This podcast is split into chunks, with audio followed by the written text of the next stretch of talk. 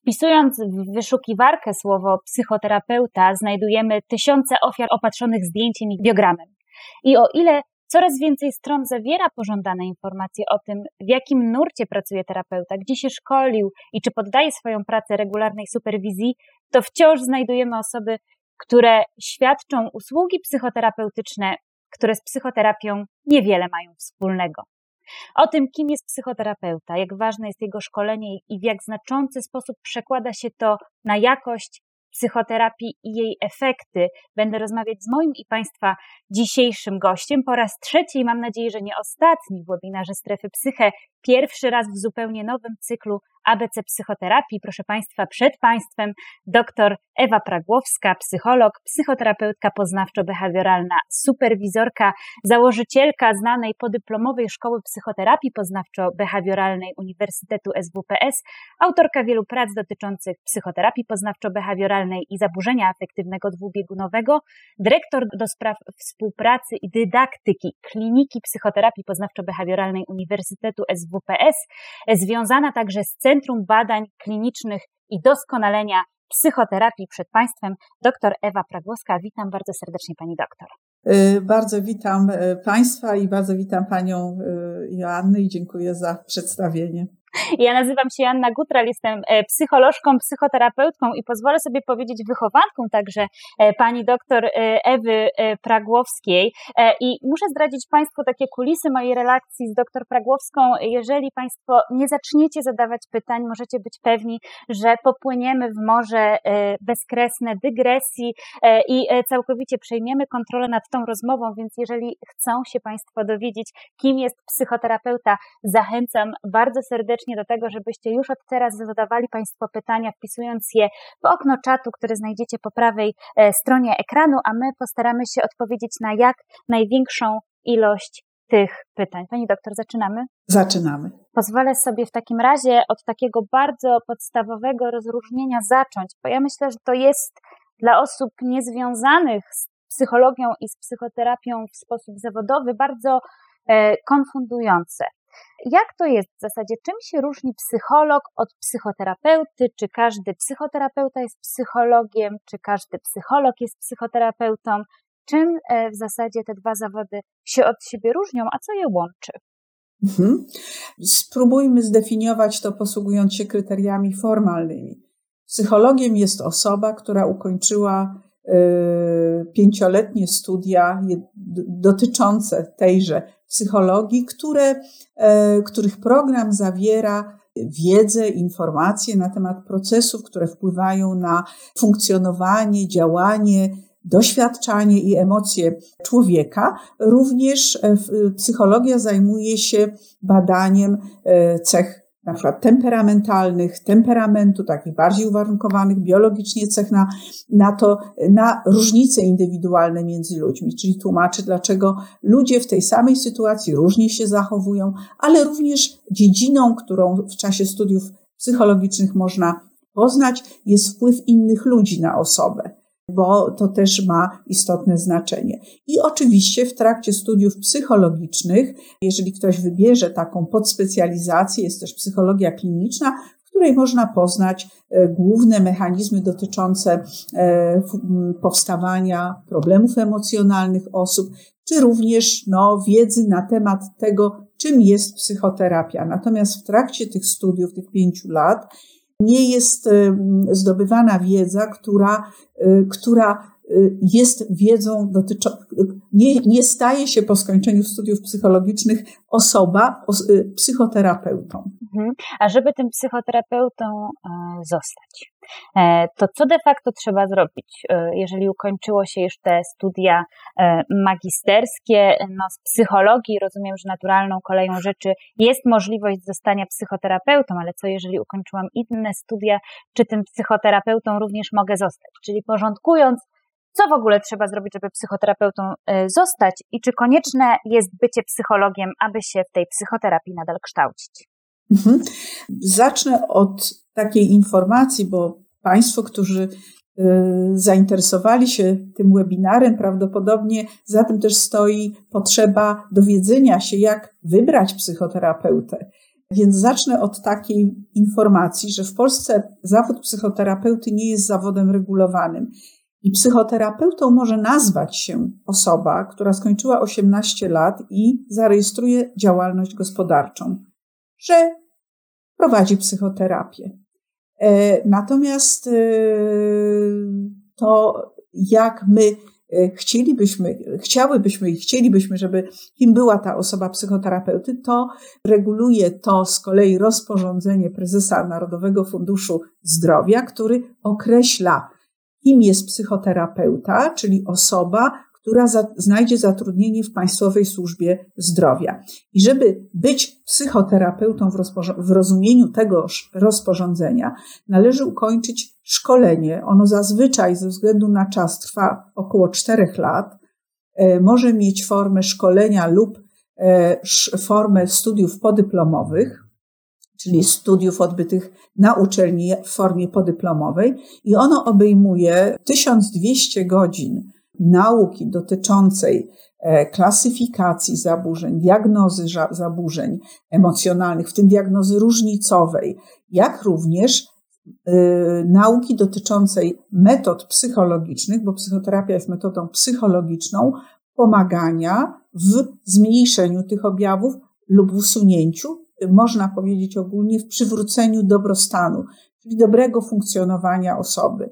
E, to nie jest wszystko, dlatego że od psychoterapeuty oczekujemy również, że będzie miała 100 e, godzin i tutaj w zależności od podejścia one się różnią. Jest to albo psychoterapia własna psychoterapeuty, albo tak jak w podejściu e, poznawczo-behawioralnym oczekujemy pracy osobistej, czyli tego, że terapeuta wykona również sam pewną pracę, przyszły terapeuta, żeby trochę zobaczyć, E, i poznać własne stany emocjonalne, jak one wpływają na jego e, pracę, czy mogą wpływać, a nie powinny wpływać, czyli no, doświadcza pewnych, e, pewnych metod również, które potem proponuje w terapii pacjentom.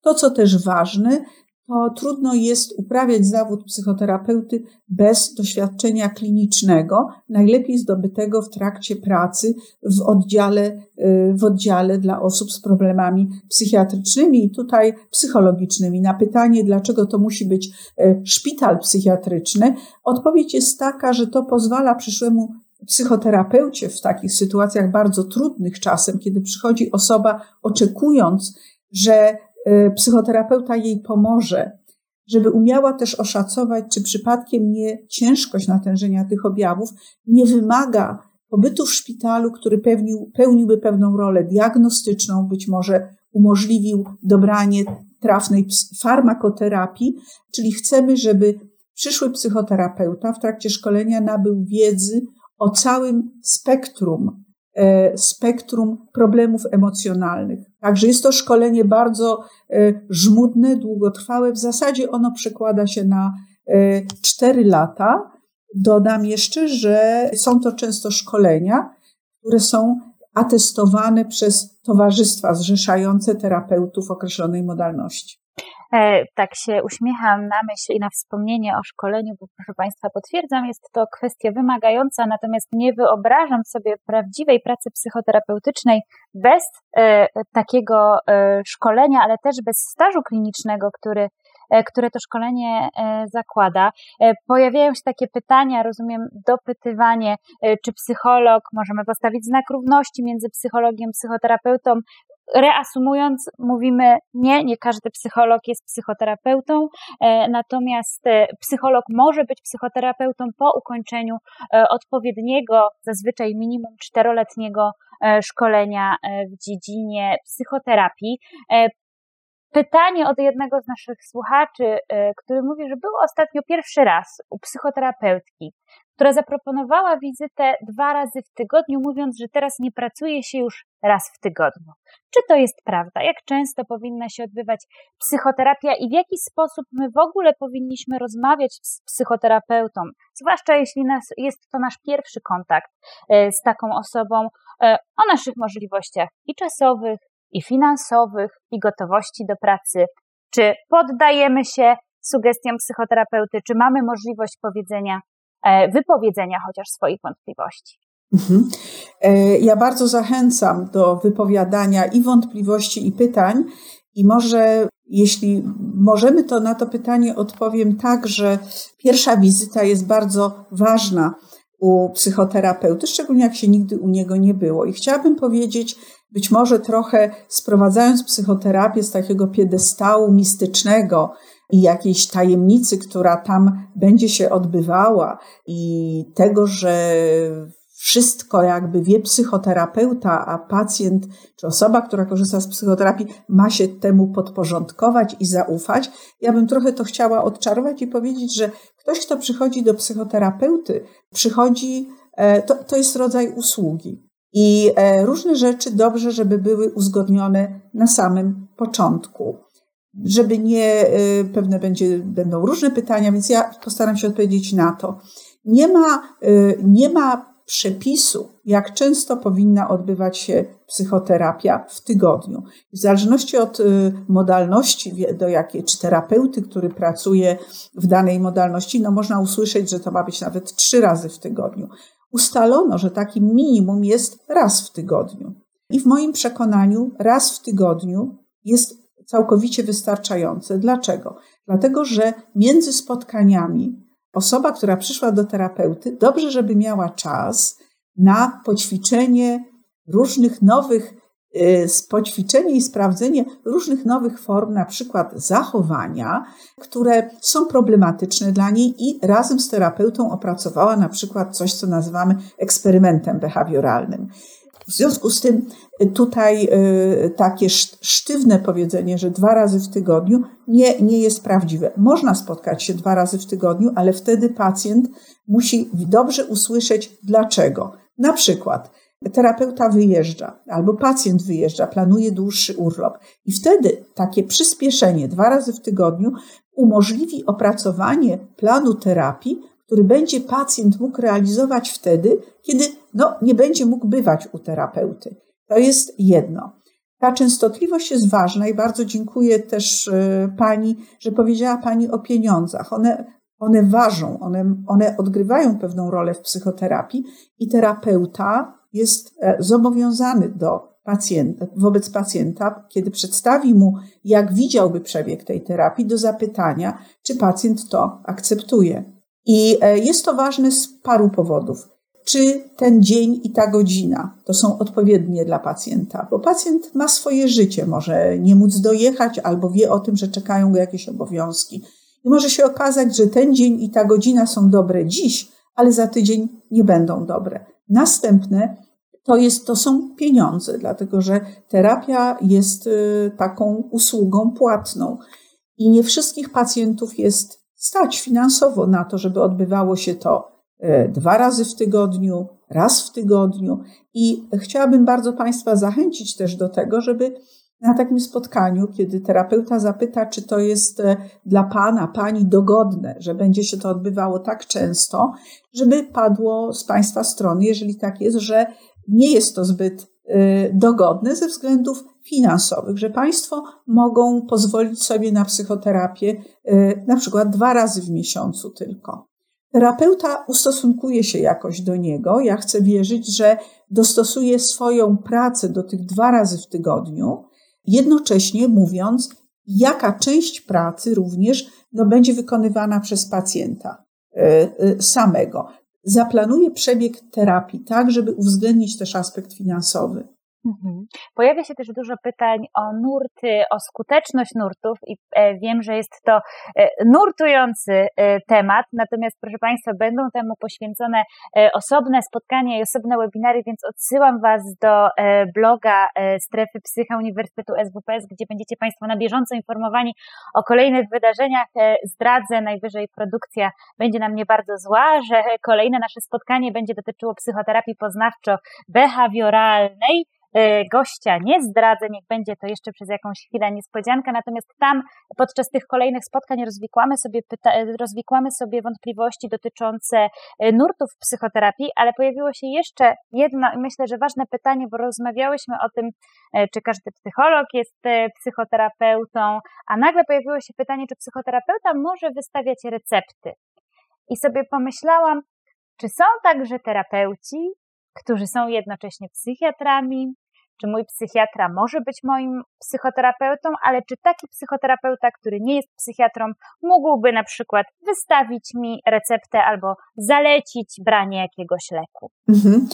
To jest ta różnica między psychoterapeutą, który jest psychologiem, że on nie może wypisywać recepty, ale psychoterapeutą może być również lekarz i nie zawsze psychiatra, ponieważ mam taki przywilej współkierowania z dr Popiel psychoterapii, to chcę powiedzieć, że studia podejmują lekarze innych również specjalności, specjalizacji, nie tylko psychiatrzy.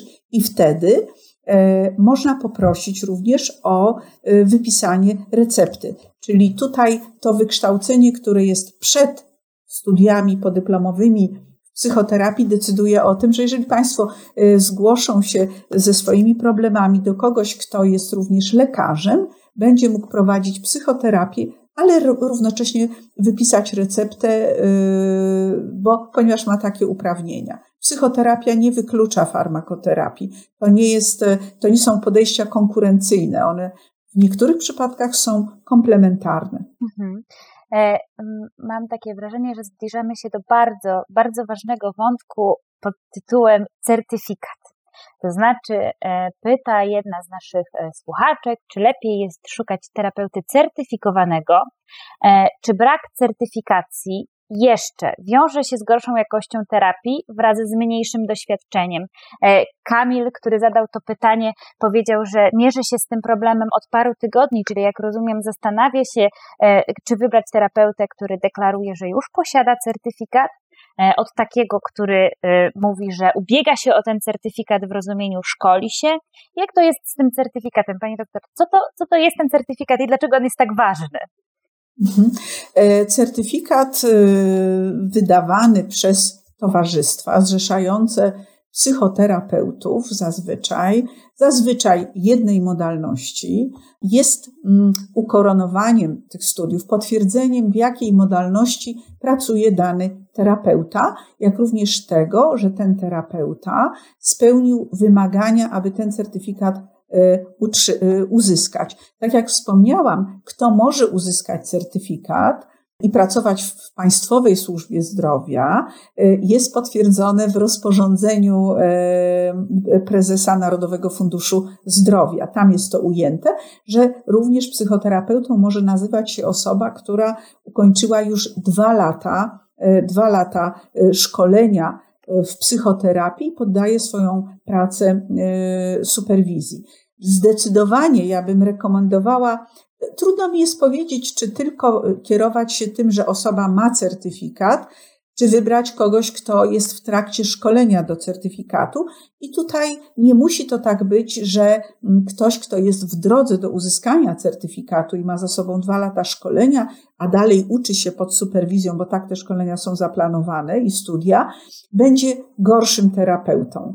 Natomiast chyba y, rekomendowałabym terapeutę, który ubiega się o certyfikat lub ma certyfikat. Uzasadnię. Jest to osoba, która y, prawdopodobnie i dobrze by było, żeby występowała na stronach towarzystwa, czyli była identyfikowana, że ona gdzieś przynależy. Towarzystwa mają pewne zobowiązania wobec swoich członków, na przykład jak to, żeby y, w sposób ciągły rozwijać swoją wiedzę, mm, doskonalić ją. Towarzystwo Terapii Poznawczo-Behawioralnej oczekuje odnawiania certyfikatu co 5 lat, czyli potwierdzenia, że osoba, która uzyskała certyfikat ileś lat temu, nadal rozwija się, mm, uzupełnia swoją wiedzę.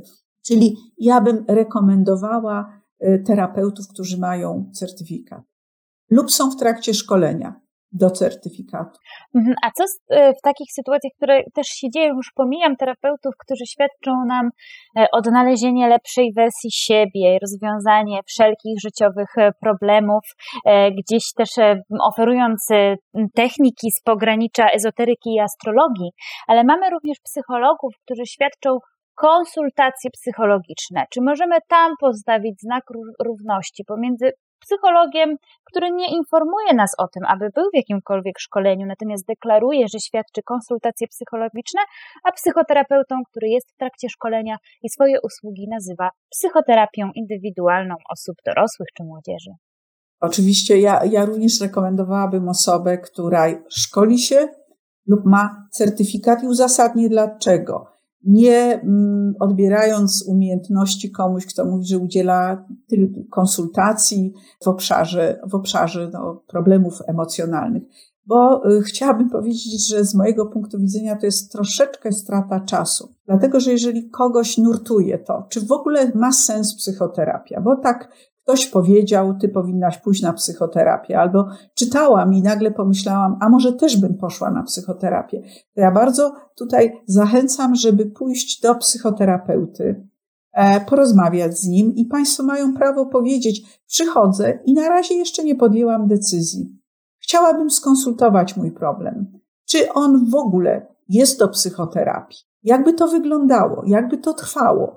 Państwo podejmując psychoterapię mają prawo oczekiwać od kogoś, do kogo e, się udają, no nie tylko podstawowych, ale pełnego, pełnego zakresu informacji dotyczącego, jak ten proces psychoterapii będzie wyglądał.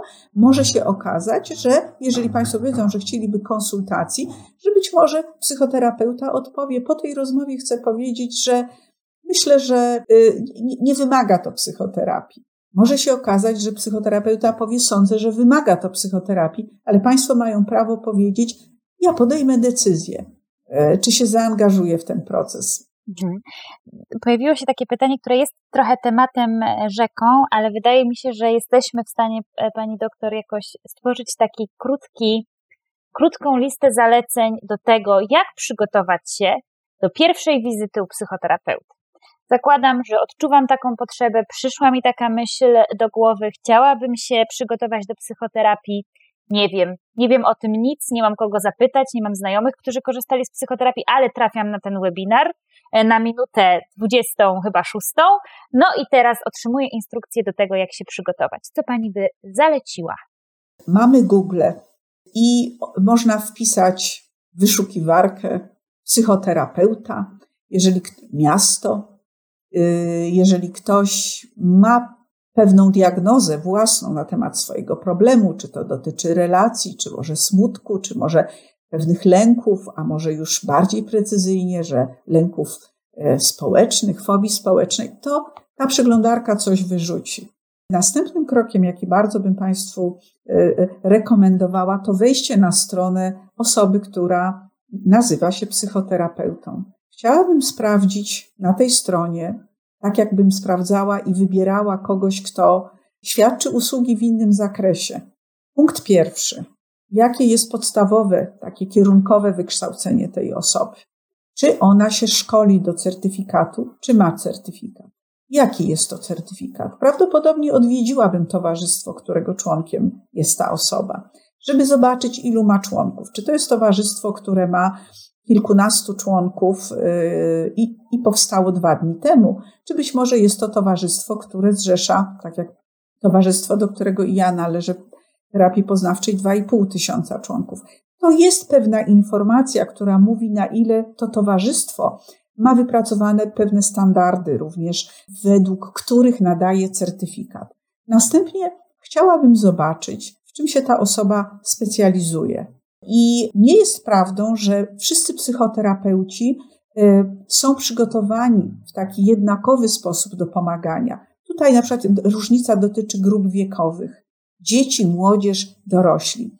Osoby, u których występują zaburzenia lękowe czy zaburzenia nastroju, a być może jest to terapeuta, który pisze, że specjalizuje się w zaburzeniach seksualnych czy w zaburzeniach interpersonalnych dotyczących relacji, jednak oczekiwałabym, że on dosyć dobrze przedstawi zakres, w jakim e, udziela pomocy. Gdyby tam było udzielam pomocy wszelkiej, prawdopodobnie nie poszłabym do tego terapeuty. Wolałabym zobaczyć kogoś, kto określa zakres, w jakim się specjalizuje. E, dalej chciałabym sprawdzić e, koszt sesji terapeutycznej. To jest bardzo ważne, dlatego że Państwo korzystając z innych usług, kierują się ceną, sprawdzają cenę i e, stawki dotyczące psychoterapii są również jakby w miarę określone. One dotyczą pewnych przedziałów cenowych, one się różnią, ale ja bardzo bym chciała skorzystać, również wybierając psychoterapeutę, z mojego prawa konsumenta do sprawdzenia, y, jakiego rzędu to będzie inwestycja. Kiedy bym już upewniła się, to co jest na stronie, czyli nie będę powtarzała, ale takie podstawowe informacje, jaką uczelnię skończyła ta osoba, również ośrodek, w którym się szkoliła, dlatego że to umożliwiłoby mi też sprawdzenie, jaki to jest ośrodek. E, czy to jest też osoba, która pisze o swoim doświadczeniu? Tu dodam, że nie zawsze doświadczenie 30 lat bycia psychoterapeutą przekłada się na skuteczność psychoterapeuty i my to też wiemy z małych, ale jednak badań, że e, terapeuta z mniejszym doświadczeniem, natomiast bardzo dobrze nauczony metody, jest równie skuteczny jak terapeuta, który ma no, ogromne, wielo, wielo, nie powiem wiekowe doświadczenie. I to by było informacje, które chciałabym zebrać i oczekiwałabym, że one znajdą się na stronie terapeuty. Jego wizytówka chciałabym, żeby zawierała te informacje. No i następne właśnie, bo nie chciałabym tu być, e, e, czy, czy, czy, pani i państwo chcieliby, żeby powiedzieć, co się dzieje w gabinecie, kiedy bym przyszła do tego terapeuty? To ja mam takie pytanie, co się dzieje, e, kiedy przychodzę, bo wybrałam sobie terapeutę, który twierdzi, że ma certyfikat, nie deklaruje jaki, no więc ja idę do tego gabinetu i mam taką myśl, że chciałabym go zapytać, czy mógłby mi Pan powiedzieć, e, członkiem jakiego towarzystwa Pan jest, albo czy mogłaby Pani mi pokazać ten e, certyfikat, który Pani posiada. Czy ja mam prawo jako pacjent, klient takie pytanie zadać i co by Pani, Pani doktor zrobiła, gdyby ktoś powiedział, mam, ale nie pokażę, albo dlaczego to jest dla Pani takie ważne, nie mam ochoty Pani pokazywać moich certyfikatów? Przede wszystkim Państwo mają prawo e, wiedzieć, do kogo przyszli, dlatego że decydując się na psychoterapię, która jest taką relacją troszkę niesymetryczną, to znaczy mm, pacjent mówi dużo o sobie, terapeuta mówi znacznie mniej i zresztą dobrze, bo to nie jest czas terapeuty, żeby mówił o swoich trudnościach, ale żeby pomógł y, pacjentowi. Y, ja, ja bym, y, gdybym nie znalazła tego na stronie internetowej i zrobię dygresję, że wielu terapeutów umieszcza nawet E, skany swoich dokumentów i kompetencji z, z, numerem. Każdy certyfikat ma numer. To jest do sprawdzenia również na stronie towarzystwa, jeżeli on jest tam e, zamieszczony, również jeżeli jest w trakcie szkolenia. Ale zakładam, że tego nie ma, a Państwo by chcieli upewnić się, do kogo trafili mają Państwo prawo poprosić o taki e, dokument. E, myślę, że terapeuta, który by powiedział, a co Pani ma taką rozwiniętą nadmierną kontrolę, jest taka paranoiczna, to Pani mi nie ufa, prawdopodobnie nie podjęłabym e, współpracy z takim terapeutą. Dlatego, że, że, że, że to jest zupełnie naturalne. Państwo mają prawo wiedzieć, komu powierzają, um, powierzają swoje problemy i swoją też powiem e, nadzieję na to, że e, uzyskają spodziewaną pomoc. Więc e, mają Państwo prawo, powiem, niektórzy terapeuci wieszają na ścianie, niektórzy właśnie korzystają z dobrodziejstw stron internetowych. Jednym słowem, tu dobrze, żeby była pełna transparentność. Państwo muszą czuć, że przyszli do fachowca. Pierwsze spotkanie, no to też takie na żywo, mówiąc, to konfrontacja e, z terapeutą i co jest w takiej sytuacji, kiedy jakoś no, nie czuję się dobrze z tą osobą, zawierzam jej kompetencjom, zweryfikowałam je, są faktycznie odpowiednie, natomiast jest jakiś e, losowy element, czynnik ludzki, który sprawia, że nie czuję się z tą osobą komfortowo. Czy mam prawo zrezygnować, czy w ogóle mogę o tym powiedzieć terapeucie, że jakoś nie chciałabym kontynuować? E, co wówczas taki terapeuta powinien zrobić? E, e, zdenerwować się i obrazić i poprosić o opuszczenie gabinetu, czy przekierować do kogoś innego? Jak to się odbywa? W ogóle, czy mogę wnieść też to na podczas terapii, że jakoś nie jestem usatysfakcjonowana tego pierwszego spotkania. Relacja, y, relacja dobra jest w terapii y, bardzo istotną sprawą. Ja dodam, choć może nie ma takiego pytania, czy dobrze jest lubić swojego terapeuta, albo żeby terapeuta nas lubił.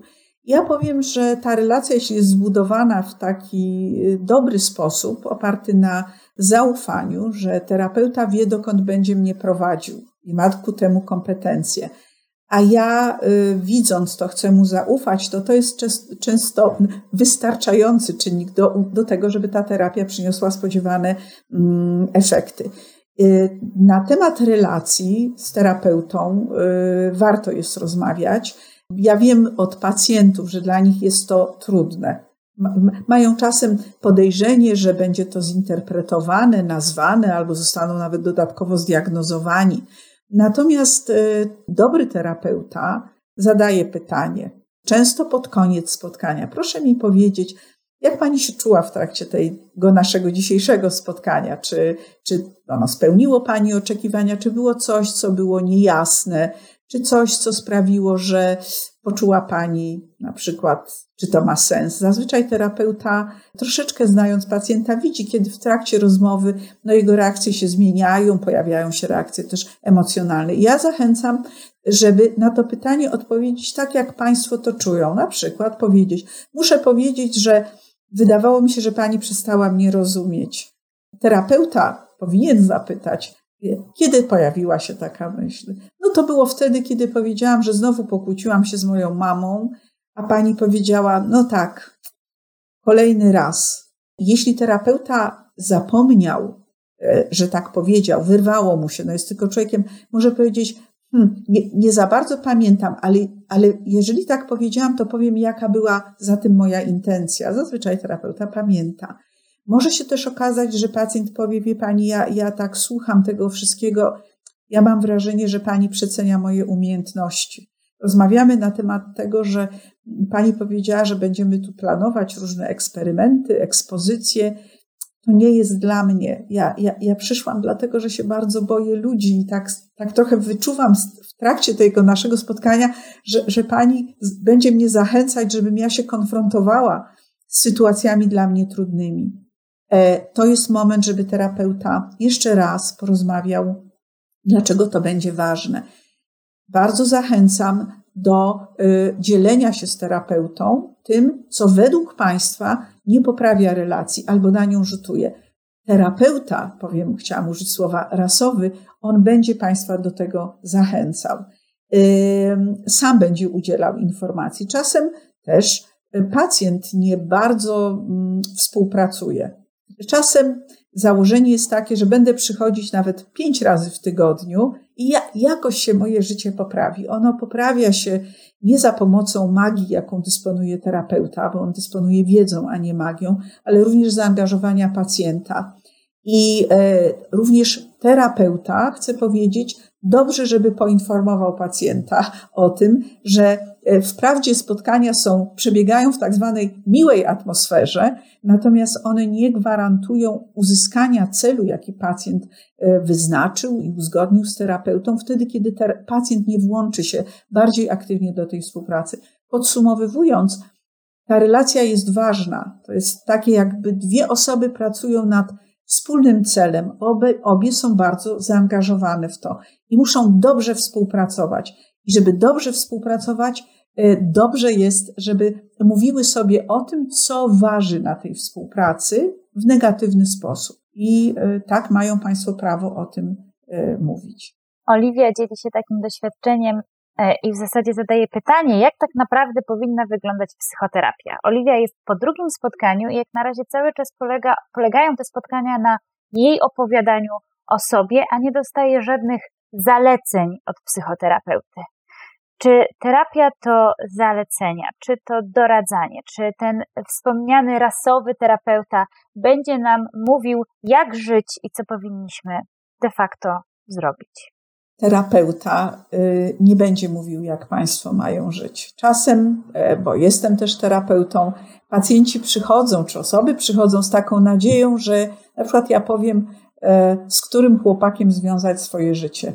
Albo czy się rozwieść, albo czy wybrać pracę, czy porzucić pracę, w której odczuwam ogromny dyskomfort z powodu tylko jednej na przykład osoby, która zdecydowanie zachowuje się w sposób, który mnie dotyka.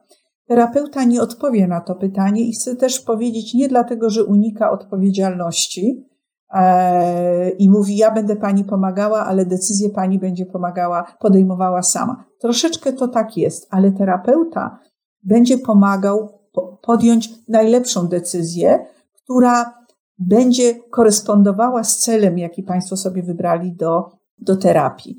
E, na pytanie Pani Oliwii, e, jak, jak, jak to powinno wyglądać, terapeuta po wysłuchaniu, co sprowadza do niego osobę, co stało się w jej życiu, co sprawiło, że zdecydowała się właśnie w tym momencie swojego życia przyjść do, do terapeuty.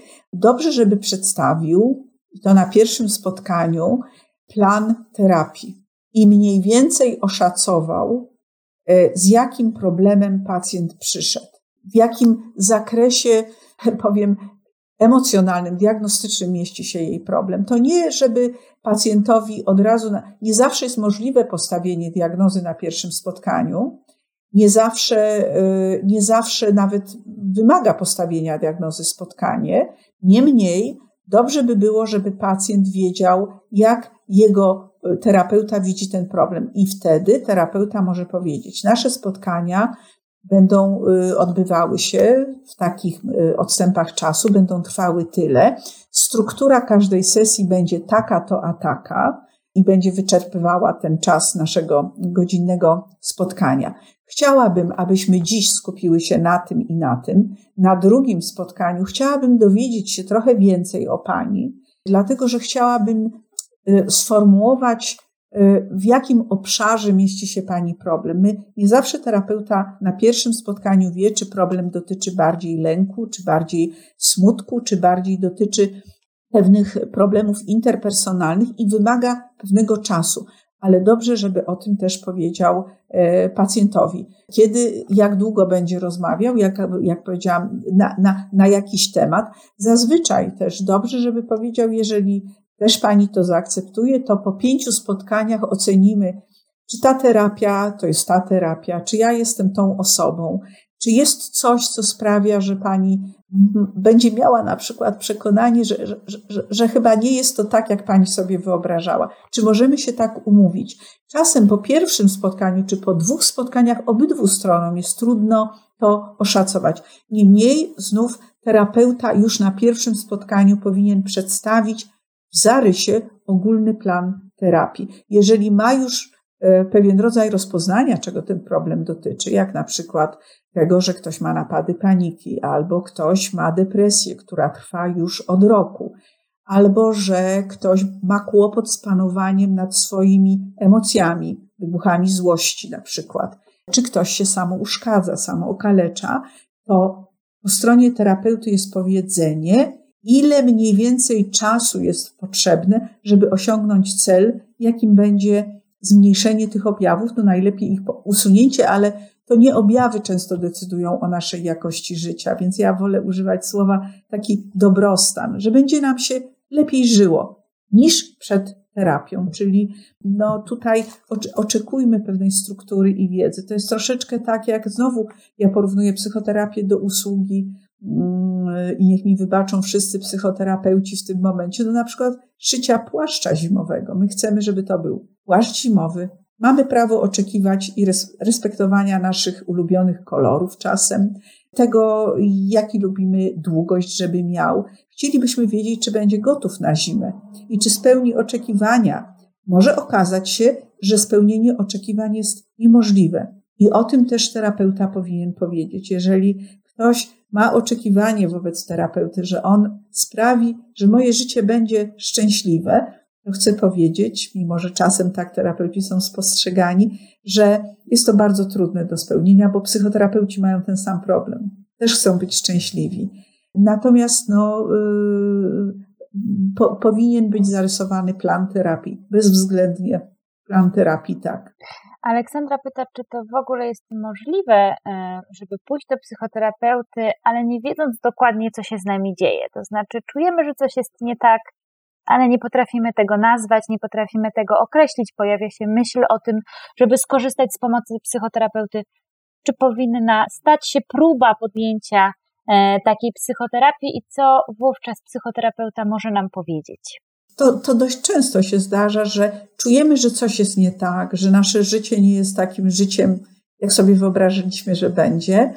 i idziemy do terapeuty. I na pytanie takie właśnie, co panią sprowadza, często terapeuta pyta, dlaczego pani zdecydowała się przyjść teraz, a nie dwa lata temu, mimo że już pani mówi, że ten problem jest od dwóch lat.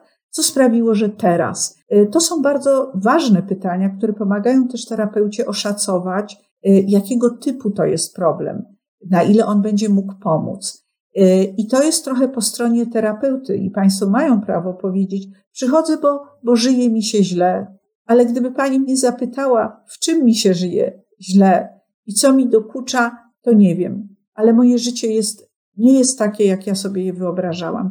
To po stronie terapeuty jest takie precyzowanie pytań, zadawanie pytań, yy, które umożliwią Państwu dostarczenie pewnej wiedzy terapeucie na temat tego, Y, specyficznie, co jest, co sprawia, że mają Państwo problem, że na przykład dwa lata temu byli, byłam radosna, jakoś to życie mi się układało, ale od dwóch lat czuję, że jest gorzej, gorzej i coraz gorzej, aż, aż do tego momentu, kiedy pomyślałam, że wszyscy żyją lepiej, tylko ja jedna żyję, tak, że moje życie nie ma sensu. Myślę o tym, że nie ma sensu. To po stronie terapeuty jest zadawanie pytań takich, żeby również E, e, pomóc Państwu sprecyzować, czego dotyczy ten problem. Terapeuta będzie sprawdzał, będzie pytał, czy to jest tak, że, czy Pani problemem jest bardziej to, czy bardziej to. A co by się stało, żeby Pani poznała, że tego, co, jakby Pani życie wyglądało, gdyby ten problem zniknął? I czasem okazuje się, że ta odpowiedź otwiera drogę do poznania specyfiki tego problemu. Na pytanie, czy to jest ważne, odpowiem tak, jest ważny, ponieważ w zależności od problemu terapeuta e, może dobrać skuteczne metody, które przybliżą Państwa do tego życia lepszego. Żyjemy w specyficznych czasach i też spotkałyśmy się E, nasz ostatni webinar e, był na początku tego specyficznego czasu, dotyczył on lęku e, przed koronawirusem, lęku w obliczu pandemii.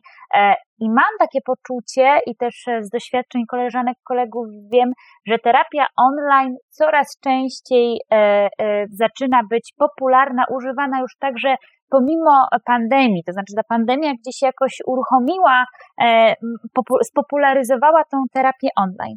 Czy jest coś wiadomo na temat relacji terapeutycznej online versus relacja twarzą w twarz? Czy są różnice? Czy powinniśmy decydować się na terapię on, online? Jeśli tak, to w jakich przypadkach? Czy ona może być czasami niekorzystna? Terapia online była stosowana, praktykowana zanim wybuchła pandemia koronawirusa i budziła pewne, mm, pewne e, zainteresowanie również badaczy, dlatego że są kraje i nie należy do nich tylko Polska, gdzie dostęp do psychoterapeuty jest niezwykle ograniczony i technika e, tutaj bardzo pomagała w rozwinięciu pomocy osobom właśnie skorzystając z możliwości terapii online. I zaczęto również badać skuteczność terapii online. Ja dodam modalności poznawczo-behawioralne i okazuje się, że e, terapia online jest równie skuteczna jak terapia tak zwana tradycyjna, kiedy obydwoje siedzimy, e, terapeuta i pacjent e, w gabinecie.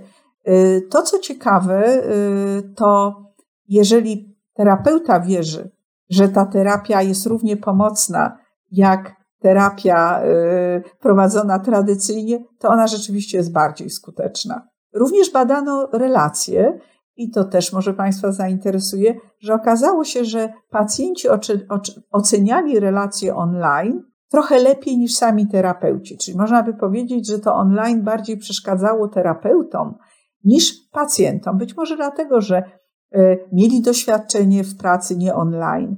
Co do pytania, Y, czy są problemy, które wykluczone jest, żeby było, były prowadzone online, to wszystko wskazuje na to, nie zanudzając Państwa metodologią, y, y, że w zasadzie ta terapia online nie ma granic.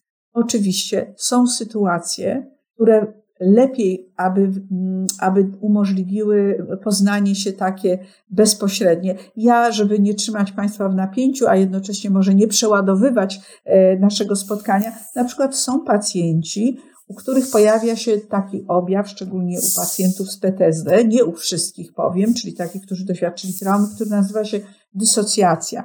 I zdecydowanie dobrze, żeby terapeuta pierwszą taką e, próbę odtworzenia traumy odbył blisko pacjenta, ale właśnie ze względu na tenże objaw. Ale znam też terapeutów, którzy mimo tego objawu prowadzą pacjentów online bardzo bezpiecznie, bardzo skutecznie. To wymaga trochę dodatkowych, być może e, też działań. Jednym słowem, to nie jest gorsza forma e, terapii.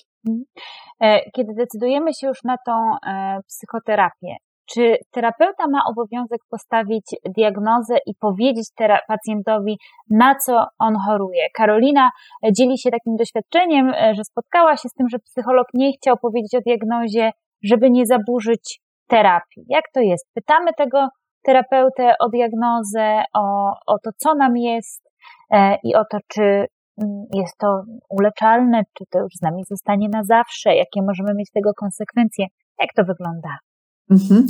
E, e, ja terapię traktuję, e, pewnie jak i pani, bardzo poważnie jako metodę leczenia, metodami psychologicznymi, a nie tylko metodę samorozwoju, bo czasem psychoterapia jest oczekiwanie, że ona pomoże być może uporządkować mi różne sprawy, trochę wyładzić, czy poznać lepiej siebie samego. Jako metoda leczenia wymaga, to jest moje moje przekonanie diagnozy lub przybliżenia do diagnozy. Nie zawsze osoby, które do nas przychodzą, spełniają wszystkie kryteria danego problemu. I e, tak jak powiedziałam, na pytanie, dlaczego ma być ta diagnoza e, postawiona, i zaraz dojdę do ujawnienia, dlatego że to wyznacza, my się nie przywiązujemy jako terapeuci do samej diagnozy, bo tak naprawdę to, co jest istotne, to to, co pacjentowi sprawia problem. Ktoś, kto ma depresję, może dla niego być większym problemem to, że nie spotyka się z ludźmi, a dla kogoś, że nie może spać w tejże samej depresji.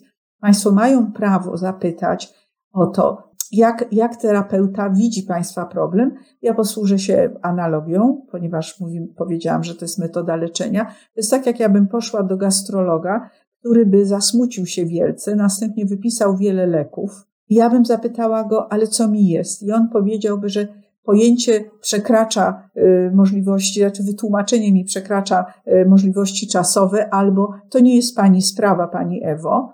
Powiem krótko, będzie Pani zdrowa, jak będzie Pani brała leki, które ja przepisuję. I na pytanie, dlaczego ja nie mogę znać diagnozy, odpowiedziałby, bo jakbym Pani powiedział, to być może zakłóciłoby to proces mm, y, leczenia Pani. Trochę to jest tak, jak są pacjenci onkologiczni. Proszę sobie wyobrazić, że pacjent onkologiczny musi znać swoją diagnozę, ponieważ ona waży bardzo na tym, jak on ma dbać o siebie i jak współpracować w procesie leczenia. Więc, żeby nie wyobrażam sobie oszczędzić tego pacjenta, mówimy, nic pani tak naprawdę nie jest. Od będzie radioterapia, potem mała chemia, ale będzie dobrze. Pacjent może zapytać, ale co mi jest? I podobnie jest w psychoterapii. Państwo mają prawo wiedzieć, co, co jakby terapeuta rozpoznaje u Państwa. Jeszcze raz powiem, nie, nie każdy problem wymaga diagnozy, czy mieści się w diagnozie i ona jest drugorzędna, ale y, ponieważ terapia dobrze, żeby opierała się na metodach, które są zweryfikowane empirycznie, ich skuteczność, to ta weryfikacja odbywa się w kontekście pewnych diagnoz.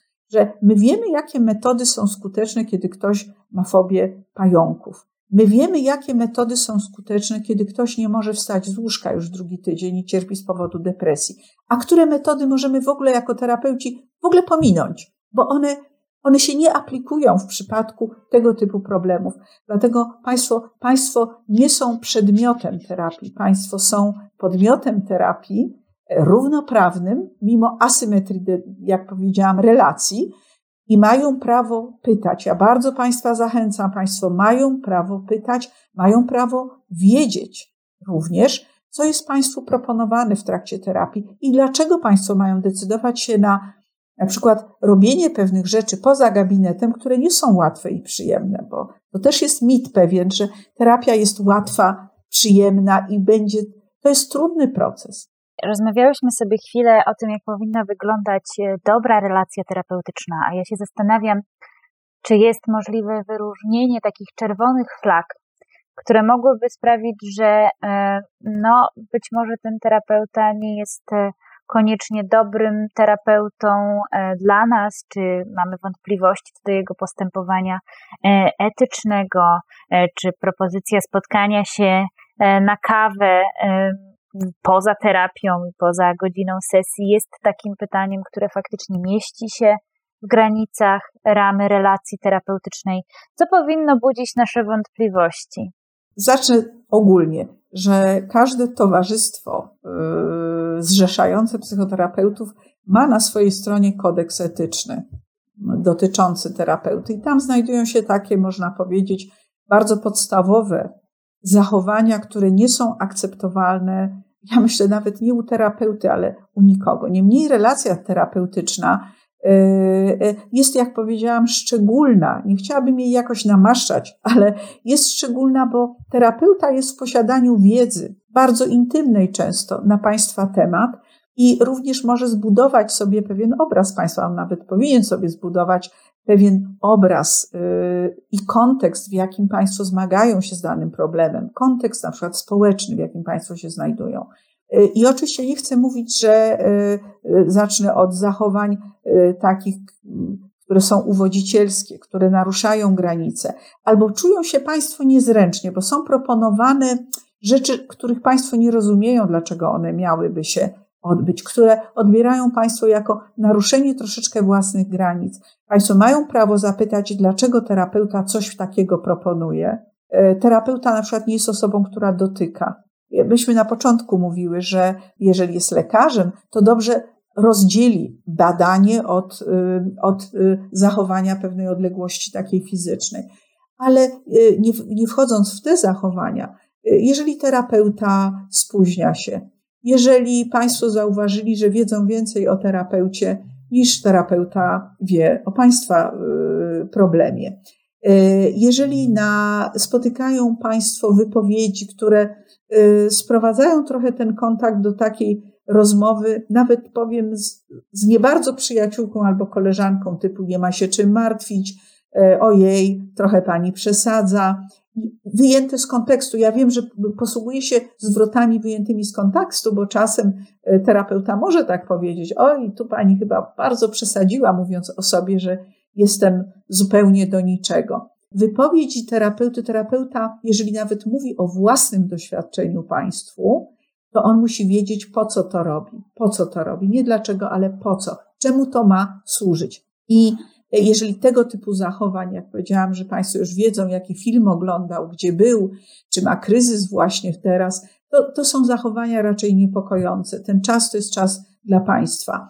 Dalej pewne niejasności finansowe. Ja chciałabym o tym też powiedzieć, że na stronie internetowej cena jest taka, a Państwo w trakcie terapii dowiadują się, że są tak trudnym przypadkiem, że jednak ta cena ulegnie mm, na przykład zmianie.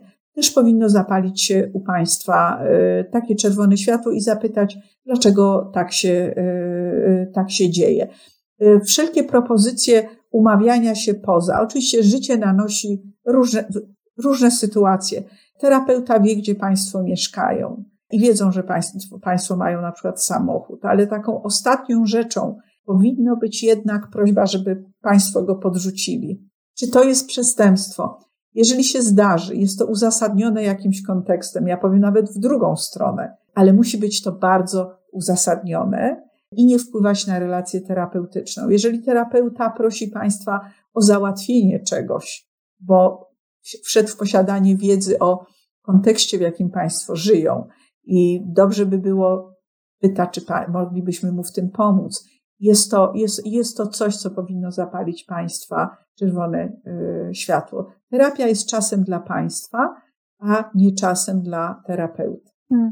Zastanawiam się jeszcze nad takimi zachowaniami, czy możliwe i czy, czy, czy w ogóle możemy pozwolić sobie na to, żeby e, zaprosić terapeutę do znajomych na Facebooku, zaproponować mówienie sobie po imieniu, czy co zrobić w sytuacji, kiedy świat jest e, tylko pozornie duży, w rzeczywistości okazuje się mały, co zrobić, kiedy spotykamy e, psychoterapeutę naszego na prywatce u naszych znajomych lub w miejscu publicznym w restauracji. Jak my powinniśmy się w ogóle w takich sytuacjach zachować?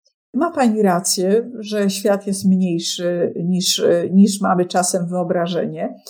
I tutaj oczekiwałabym, sama mam doświadczenie takich sytuacji, oddania y, pierwszeństwa pacjentowi.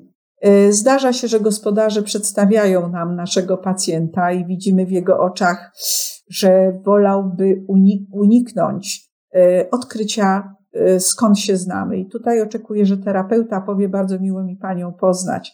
Jeżeli pacjent powie, my się znamy, a gospodarz zapyta, a skąd, to oczekuję, że to terapeuta przejmie trochę inicjatywę i da odpowiedź taką, która ochroni pacjenta przed powiedzeniem skąd. Jeżeli pacjent powie, znamy się, bo to jest moja terapeutka, oczywiście sprawa jest zamknięta.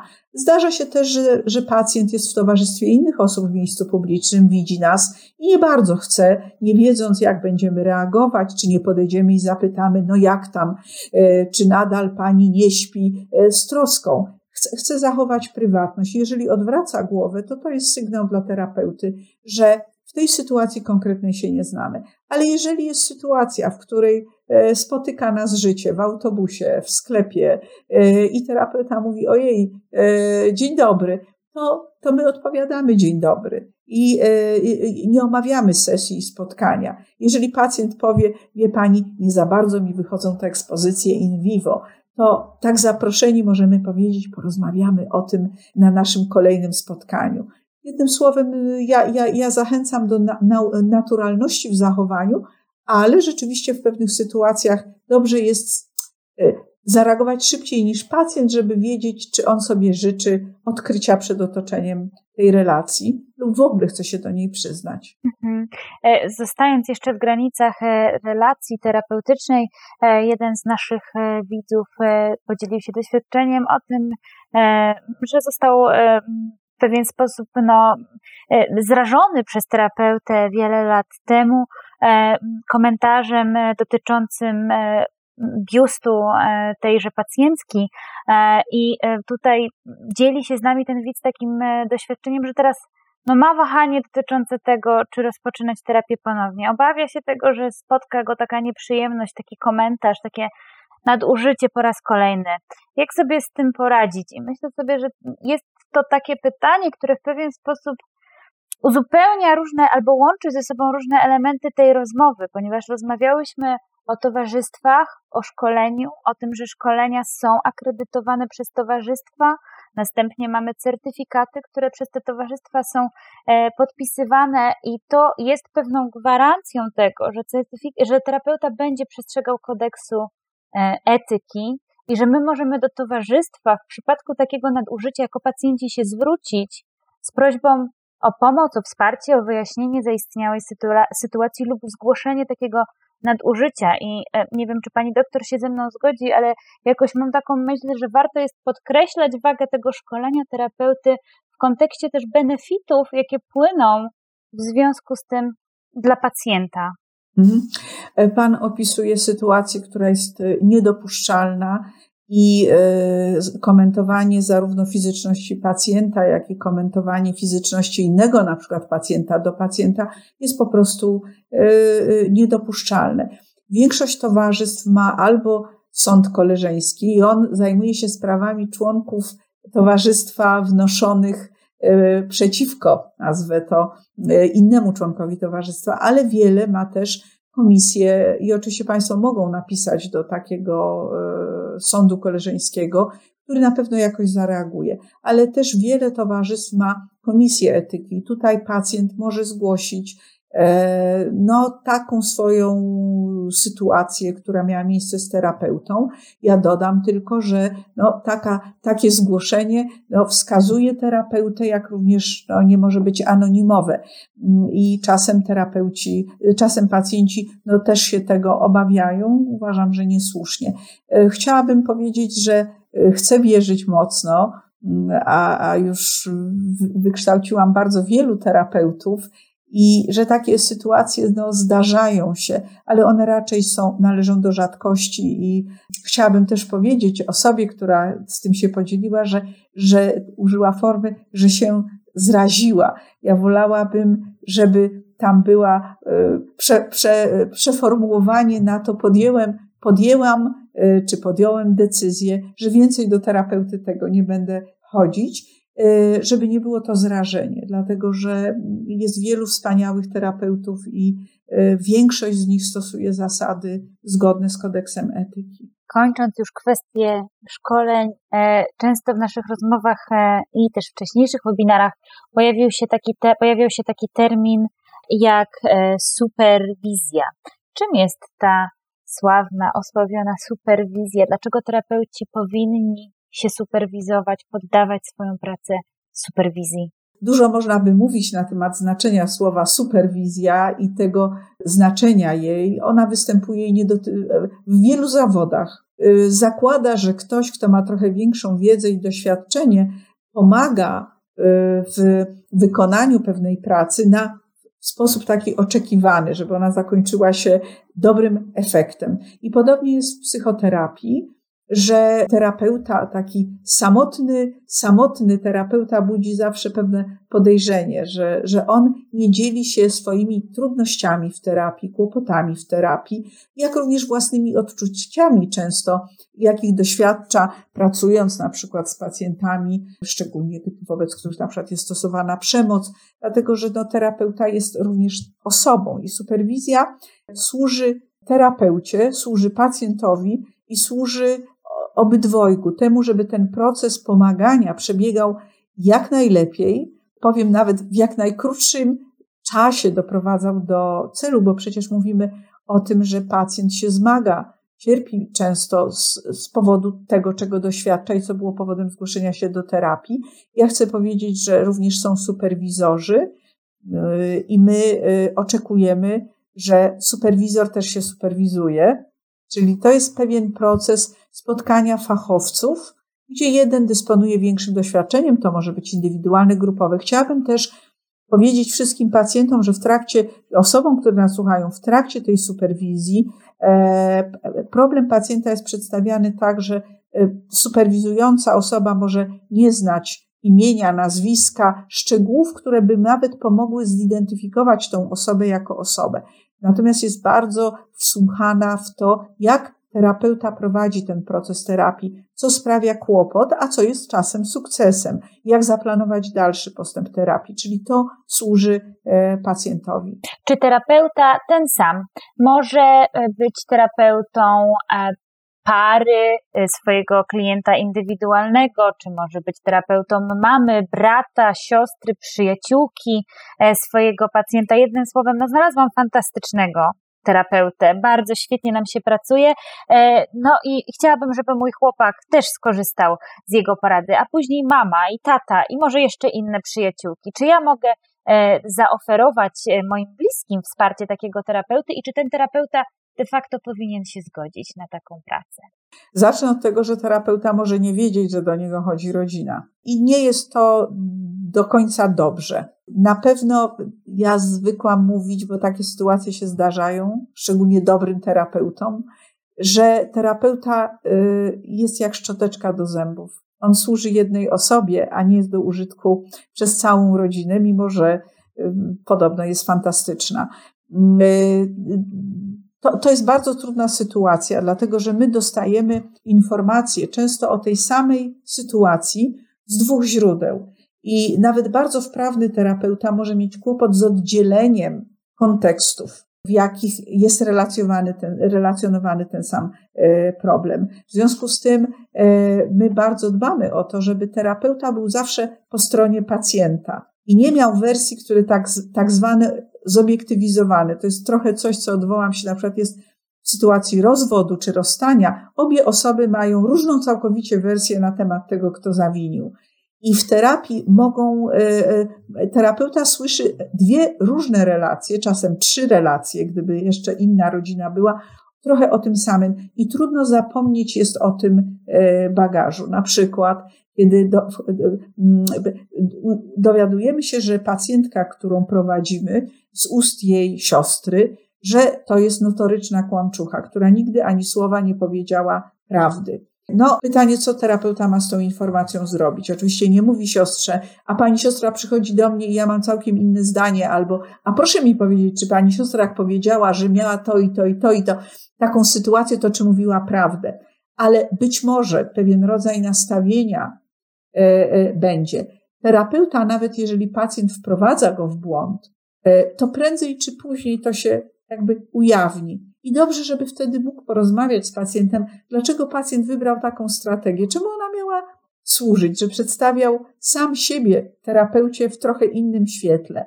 Dlatego y, terapeuci zazwyczaj unikają prowadzenia, jeśli nie jest to terapia rodzinna, czy małżeńska, czy, czy, czy, czy par, y, prowadzenia pojedynczo członków rodziny. I znowu, czy są wyjątki od tej zasady? Są, bardzo rzadkie i to nie jest moment, żebym o nich opowiadała. One są bardzo rzadkie, niemniej, jeśli są uzasadnione kontekstem, zdarzają się. Mam trzy ostatnie pytania, bo ja wiem, że my możemy e, nie skończyć e, bardzo e, długo i w zasadzie jakoś nikt nie zgłasza bardzo sprzeciwu, ale mam taką, takie poczucie, że przechodzimy na coraz to większe wątki i niebawem wyczerpiemy je wszystkie i w zasadzie nie będzie sensu zapraszać kolejnych gości na nasze spotkania, pani doktor, jeżeli będziemy się rozgadywać w ten sposób, a mogłybyśmy obie bardzo długo. Z raportu badań nad sytuacją psychoterapeutów w Polsce Polsce autorstwa doktora Huberta Suszka i współpracowników z 2017 roku wynika, że tylko 11% terapeutów deklaruje, że pracuje więcej niż 26 godzin w tygodniu. Czy to jest tak, że bycie psychoterapeutą, praca psychoterapeutyczna jest to tak obciążający zawód, że ciężko jest wyobrażać sobie e, pracę na pełen etat, klasyczne 40 godzin lub więcej, jakie znaczenie ma superwizja w pracy psychoterapeuty i e, pytanie od widza, w jaki sposób pytać terapeutę o to, czy się superwizuje. Zacznę od końca, pytać całkiem wprost. E, że, że chciałbym zapytać też, czy pani poddaje swoją pracę superwizji. E, być może tutaj nie ma wskazówek na pytanie, a u kogo pani superwizuje swoją pracę, no, no, y, powiem tak, to superwizor nie może y, za bardzo mówić, kogo superwizuje i opowiadać o tym bardzo szeroko, ale jeżeli ktoś poddaje superwizję u pani X, to może nawet wymienić imię i nazwisko. U kogo się też superwizuje dla Państwa może to być e, pewna wskazówka, na przykład, że ktoś pracuje w takim modelu A, a superwizuje się u kogoś, kto jest znany, że pracuje w modelu B. Mm, I, I nie zawsze, ale zazwyczaj może to jakoś y, no, być dla Państwa też informacją, skąd taka na przykład y, rozbieżność. Co do pracy terapeuty, to starano się wypracować pewne normy i no, pięciu pacjentów dziennie to jest bardzo dużo dla terapeuty, jeżeli ma być efektywny, czyli jego procesy poznawcze muszą pracować sprawnie. E, dobrze by było, żeby terapeuta nie zasypiał na spotkaniu z pacjentem i nawet kiedyś był taki kodeks pacjentów opracowany, w którym pacjenci proszą, zadbaj terapeuto o siebie, bo skoro chcesz nauczyć mnie, jak ja mam dbać o siebie, to chciałbym, żebyś był wiarygodny. Czyli terapeuta między spotkaniami też powinien mieć pewne przerwy, dlatego że no, jesteśmy tylko ludźmi i niezbyt dobrze jest, kiedy interferują pewne dane jednego pacjenta na drugie. Czyli tak, ja zgadzam się, że jest to dosyć wyczerpujący zawód, biorąc pod uwagę, że jeszcze no, dobrze jest uczynić pewną notatkę, informację, że taka terapia się odbyła. Y, główny, główny problem, jaki był omawiany y, na tej terapii, co, co jakby było zadane pacjentowi jako jego praca osobista, jest to praca jest to praca trudna, ale ja zawsze mówię praca wybrana. W związku z tym e, wymaga pewnej higieny, a nie narzekania, że jest ciężka. Nie będę ukrywać, że przed naszym dzisiejszym e, spotkaniem spotkałyśmy się offline w klinice terapii poznawczo-behawioralnej Uniwersytetu SWPS, żeby wespół przygotować się trochę do tej naszej dzisiejszej rozmowy. I powiedziała tam Pani takie piękne zdanie, które ja sobie pozwoliłam zanotować, że za to, co dzieje się w e, gabinecie odpowiada terapeuta, ale za sukces terapeutyczny odpowiada pacjent i terapeuta. E, I pojawiło się też tam takie moje, takie sformułowanie, które często jest używane podczas naszych studiów z terapii poznawczo-behawioralnej, dotyczące empiryzmu opartego na współpracy, e, o tym, że terapeuta pracuje z pacjentem. Jak to rozumieć? Po czym miałabym poznać, że faktycznie terapeuta pracuje ze mną i że ja daję z siebie jako pacjentka czy klientka wystarczająco dużo w tej pracy? Empiryzm oparty na współpracy to jest bardzo przypisany zwrot y, modelowi rzeczywiście poznawczo-behawioralnemu i on zakłada, że terapia to jest taka narada sztabowa. Ekspertem od siebie jest pacjent. Też bym chciała powiedzieć, natomiast ekspertem od sposobu dojścia do celu, jaki pacjent wyznaczył, jest terapeuta. I e, to jest spotkanie, w którym obydwoje chcą dojść do tego samego celu, motywowani różnymi rzeczami, ale też chciałabym, żeby Państwo wiedzieli, że terapeuci chcą mieć satysfakcję ze swojej pracy, więc chcą do tego celu osoby, które przychodzą z ogromnym cierpieniem, dyskomfortem do nich e, doprowadzić. I e, ten empiryzm polega na tym, oparty na współpracy, że obydwoje planują. Tutaj oczekiwałabym kreatywności od terapeuty, jak sprawdzić nowe formy zachowania, albo czy, jak sprawdzić, czy to, co ja o sobie myślę, że nikt mnie nie lubi, że jak tylko się odezwę, to wszyscy będą się bardzo śmiali, e, albo czy prawdą jest, że nie jestem w stanie samodzielnie nic załatwić, albo czy prawdą jest, że ja mogę tylko leżeć w depresji i nic nie zrobić. I oczywiście terapeuta, która powie, może pani bardzo wiele i właśnie tak, planujemy wycieczkę, wyjeżdża pani na dwa tygodnie, zmiana środowiska. To nie jest empiryzm oparty na współpracy. Terapeuta wie, jak bardzo trudno jest w depresji wstać, ale bardzo by chciał, żeby ten pacjent, bo celem jest, żeby, żeby nie tylko chodził, ale żeby żył pełnią życia. E, będą próbować, co jest możliwe do wykonania dla pacjenta. Czy wstanie i wypicie herbaty na siedząco, e, to, to już będzie sukces, to jest mały krok do przodu. I to e, trochę terapeuta urealnia możliwości, ale zawsze przy pomocy pacjenta i pacjent wie, na ile to jest możliwe do wykonania. Jest dużo też skalowania, oceniania stopnia trudności i pacjenci bardzo się w to angażują, takiego sprawdzania, czy ja robię postępy, czy ja idę do przodu. I w terapii, nawet jeśli Państwo nie idą do przodu, to, to też chciałabym zachęcić, żeby mówić o tym terapeucie, dlatego że trzymając się pytania e, pani, pani Anno, tam jest dwoje w gabinecie i czasami mm, ta narada sztabowa gubi jakiś ważny element, który pacjent zna, a, a terapeuta zapomniał zapytać, źle zrozumiał, czytał w myślach. Czyli to jest e, czasem, e, to, to pan profesor Eduardo Kigan takie ma porównanie, że terapeuta jest jak szerp. To pacjent mówi, gdzie chce dojść i to są często bardzo wysokie góry. A terapeuta jest szerpem, który niesie bagaż, który robi wszystko, żeby dojść do celu w sposób najbardziej e, bezpieczny, ale jest to ciężka praca dla pacjenta, powiem. Czy pacjent ma prawo zadecydować o końcu terapii?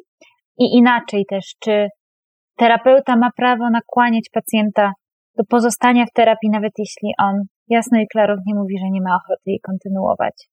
Zacznę od drugiego. Nie. W ramach wolności osobistej pacjent może zdecydować o zakończeniu terapii i może żyć nawet z dyskomfortem, albo nie chcieć już dalej współpracować z tym terapeutą. Ja znów się odwołam do doświadczeń z lekarzami, że, że, że przecież pewno wiele osób, które nas teraz słuchają, ma doświadczenie zmiany lekarza, bo co, coś nie odpowiadało, coś było nie tak, coś zraziło.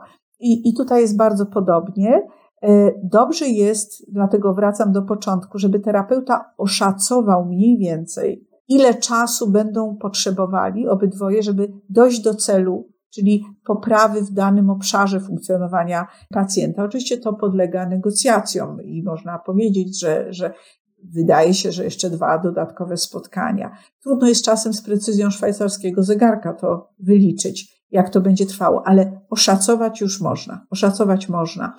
I jeżeli Państwo uważają, że terapeuta wystarczająco Państwu pomógł, zakładam optymistyczną e, sytuację, pomógł, Państwo żyją dobrze i to życie jest takie ciekawe, e, że aż czasu brakuje, żeby żyć, a do tego jeszcze, e, jak powiedział jeden z moich pacjentów, tak mi dzisiaj dobrze upłynął dzień i nagle przypomniałem sobie, że jeszcze mam spotkanie z panią. I dla mnie to był sygnał, że, że przegapiłam coś. Przegapiłam uzgodnienie, że być może ta terapia już powinna się zakończyć. Jeśli Państwo uważają, że terapeuta pomógł, mówią to terapeucie. Jeżeli terapeuta mówi, o nie, musi Pani mieć świadomość, że yy, chciałabym wiedzieć, czego nie mam świadomości. Bywają też sytuacje, chcę powiedzieć odwrotne, że to terapeuta mówi, ja myślę, że chyba już czas zakończyć nasze spotkania. Będziemy spotykać, jeśli Pani pozwoli teraz raz w miesiącu, raz na dwa miesiące. I pacjent mówi, nie, bo ja nie mogę bez, żyć bez Pani, ja zginę. E, no, to jest sygnał, że, że, że muszą dobrze porozmawiać na temat tego, czego, czego, co przegapili w tej terapii, bo terapeuta nie znika, on jest. I jeżeli pacjent uzna, że chciałby wrócić na konsultację po roku do tego terapeuty, to droga jest otwarta. Znają się. Tym słowem, ta sytuacja zawsze wymaga rozmowy, ale tak, pacjent ma prawo zadecydować o końcu terapii. Prowadząca, choć nie chce, ma prawo zadecydować o końcu webinaru i mam takie poczucie, pani doktor, e, że e, zakończyłyśmy nasze spotkanie na temat, który nie jest łatwy i w zasadzie e, oprócz wytycznych i oprócz tej wiedzy, którą się pani z nami podzieliła, tego właściwego terapeuty też poszukujemy, kontaktując się z nim, testując i sprawdzając, jak się w tej relacji E, czujemy, a do tego no niezbędny jest ten e, element tego pierwszego kroku.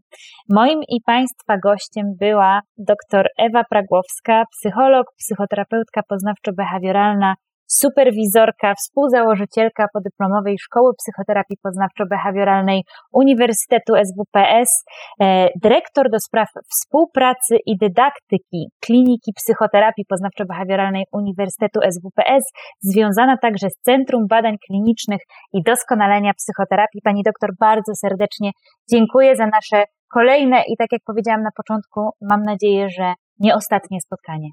Ja bardzo dziękuję i dziękuję wszystkim Państwu, którzy y, brali udział w tym spotkaniu. Pani trochę mnie zna, ja chciałabym zakończyć y, poza podziękowaniem takim zaproszeniem Państwa do poszukiwania informacji o psychoterapeutach i powiedzeniu, że mają Państwo prawo y, pracować nad poprawą swojego życia i rozwiązywaniem problemów w takiej atmosferze, jaka jest dla Państwa, w Państwa też ocenie skuteczna i pomocna. I i o tym warto też rozmawiać z terapeutą. Bardzo dziękuję i Pani, Pani Janno i Państwu. Dziękuję bardzo.